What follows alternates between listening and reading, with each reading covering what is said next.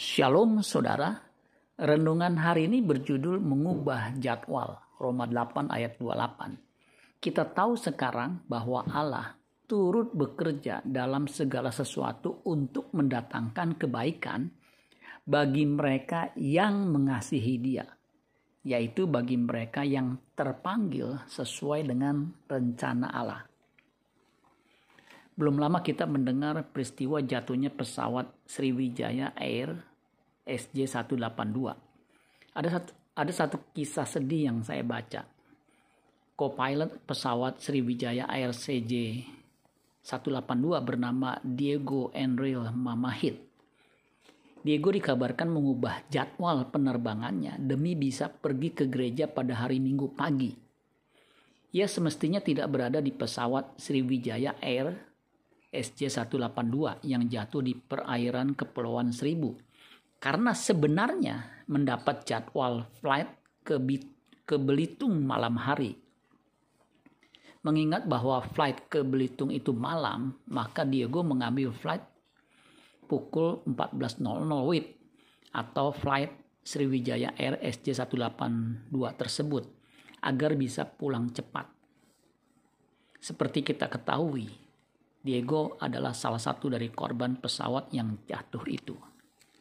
Kita mungkin bertanya, mengapa seorang yang punya rencana yang baik kok mengalami musibah?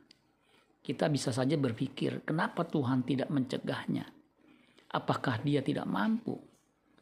Banyak pertanyaan yang berkecamuk dalam benak kita menyaksikan peristiwa tragis ini.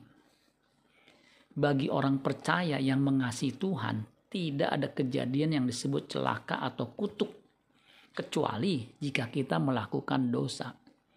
Jika kita tidak mengasihi Tuhan, itu baru kutuk dan celaka. 1 Korintus 16 ayat 22. Sekalipun mengalami peristiwa yang mengecewakan, orang percaya harus tetap percaya kepada Allah. Hal ini dikatakan oleh Nabi Habakuk, Habakuk 3 ayat 17 sampai 18 sekalipun pohon ara tidak berbunga, pohon anggur tidak berbuah, hasil pohon zaitun mengecewakan, sekalipun ladang-ladang tidak menghasilkan bahan makanan, kambing domba terhalau dari kurungan, dan tidak ada lembu sapi dalam kandang. Namun, aku akan bersorak-sorak di dalam Tuhan, beria-ria di dalam Allah yang menyelamatkan aku untuk mencapai level iman seperti ini tidaklah mudah. Kita harus bersedia di proses Tuhan. Seperti pemazmur, Mazmur 73 ayat 26.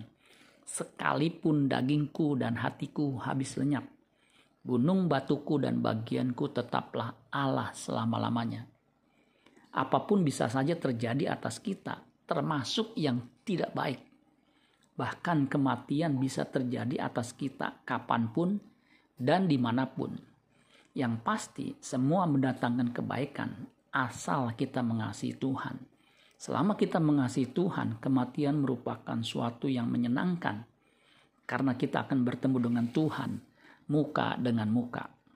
Amin buat firman Tuhan. Tuhan Yesus memberkati. Sola Gracia.